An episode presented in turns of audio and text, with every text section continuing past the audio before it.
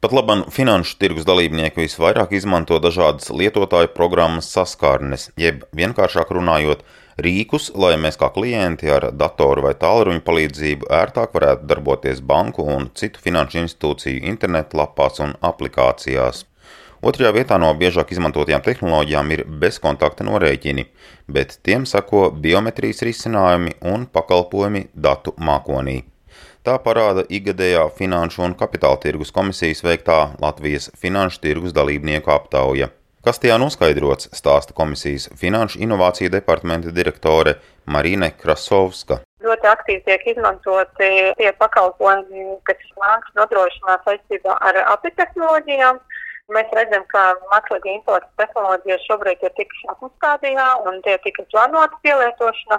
Tomēr ir ļoti veiksmīgi piemēri, kad gan bankas, gan citas pakalpojumus netiek pielietot, piemēram, biometrijas datus un ļoti aktīvi strādāja izmantojot datu, jo viss, kas nākotnē notiks finanšu tehnoloģiju jomā, būs saistīts ar datiem un datu pielietošanu. Un ļoti aktīvi redzams, ka bankas sāk izmantot arī ne tikai bankas, bet finanšu tehnoloģiju uzņēmumi arī mākoņu pakalpojumus, ļoti lielu datu apstrādēji, kas būs aktuāls jautājums arī nākotnē. Aptaujā gan arī noskaidrots, ka no 125 finanšu uzņēmumiem kādu no inovatīvajām tehnoloģijām izmanto tikai 44, jeb teju katrs trešais. Aktīvākās uz jaunām finanšu tehnoloģijām ir bankas, kam seko apdrošinātāji, investīciju uzņēmumi un arī vienkāršākas maksājumu institūcijas.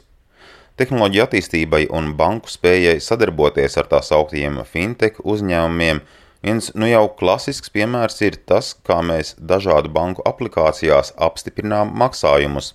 Proti, sistēmu maksājumu palaišanai ieviesis viens finanšu tehnoloģiju uzņēmums, bet šo platformu izmanto konkurējošas bankas, kas vairs nedomā katra savu piekļuves sistēmu stāsta Svetbank digitālās stratēģijas un inovāciju vadītājs Girts Bērziņš. Līdz šim tās inovācijas varbūt ir bijušas vairāk ar tādām infrastruktūras lietām, un uh, viena, ko es domāju, ļoti daudz iedzīvotāju un uzņēmumu lietotāji ir šī paša Smart ID. Tad, tad tā vietā, lai katra banka būvētu pati savu risinājumu, tika paņemts finanšu tehnoloģiju uzņēmums, kas to izveidoja kā vienotu standartu jebkuram tirgu dalībniekam.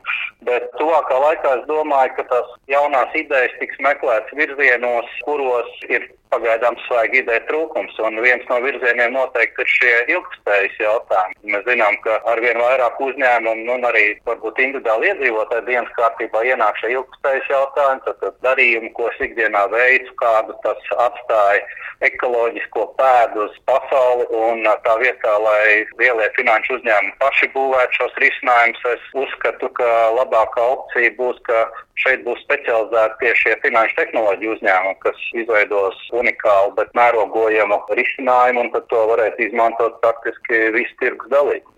Piemēram, kādu iespaidu uz apkārtējo vidi atstāja katrs mūsu darījums, lai nākotnē jau tehnoloģijas mums palīdzētu labāk plānot, ko pirkt vai labāk neiegādāties, lai mazāk kaitētu videi.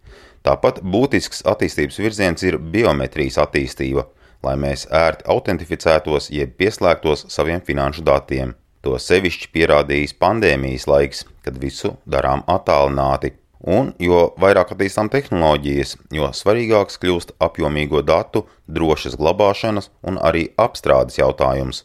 Turpina Girts Bērziņš. Protams, gan cilvēku klātbūtnes nepieciešamība, gan arī, lai iegūtu precīzāku un zinātāku rezultātu, jā, jo cilvēki iespējas apstrādāt daudzveidīgu informāciju, protams, ir ierobežotas. Tas tieši mašīnu loma ir izmantot daudz informācijas avotus un meklēt sakarības tajos. Pat labam mākslīgo intelektu Latvijā izmanto seši tirgus dalībnieki - banku, apdrošināšanas un privāto pensiju sektoros.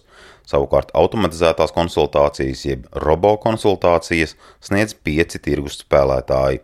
Lai sekmētu fintech attīstību, Finanšu un Kapitāla tirgus komisija piedāvā inovatīvu ideju ieviesējiem divus atbalsta veidus konsultācijas inovāciju centrā, ko izmanto visbiežāk, un iespēja testēt produktu vai pakalpojumu regulatīvajā smilškastē. Par tā saucamo smilškasti gan interese pagaidām nav liela, atzīst komisijas pārstāve Marine Krasovska. Smilškastē esošie un potenciāli finanšu tirgus dalībnieki, kuru darbībai, piemēram, ir nepieciešama atskati, kā darbības atļauja, var testēt un pārbaudīt savus inovatīvus finanšu pakalpojumus vai produktus vai arī jaunu uzņēmēju darbības modeļus. Tā ir tāda speciāla vide, kas ir atvērta jebkuram finanšu pakalpojumu sniedzējam, kas var nākt, vai tas ir banka, vai tas ir apdrošināšanas kompānija, vai tas ir finanšu tehnoloģiju uzņēmums vai maksājuma pakalpojumu sniedzējs ar jaunu savu ideju un jaunu produktu un notestēt to atbilstību esošai regulācijai. Cik tās milzkasti ir pieprasīti? Milzkastē mums bija apmēram trīs pieteikumi, jo regulatīvas milzkastē der tiem pakalpojumu sniedzējiem, kas nākotnē būtu nepieciešami licencēt. Neviens neapšauba, ka mākslīgais intelekts ir ar milzīgu potenciālu mainīt finanšu pakalpojumus un nodrošināt produktu un datu kvalitāti jaunā līmenī. Marina Krasovska piebilst, ka pasaulē šie risinājumi jau palīdz atklāt krāpšanu, ļauj automatizēt funkcijas, vērtēt klientu kredītspēju. Šī ir iespēja arī Latvijas talantiem radīt un izstrādāt inovatīvus finanšu produktus, taču bankās atzīst, ka mūsu tirgū pietrūkst galvu ar jaunām idejām. Edgars Kupčs, Latvijas radio.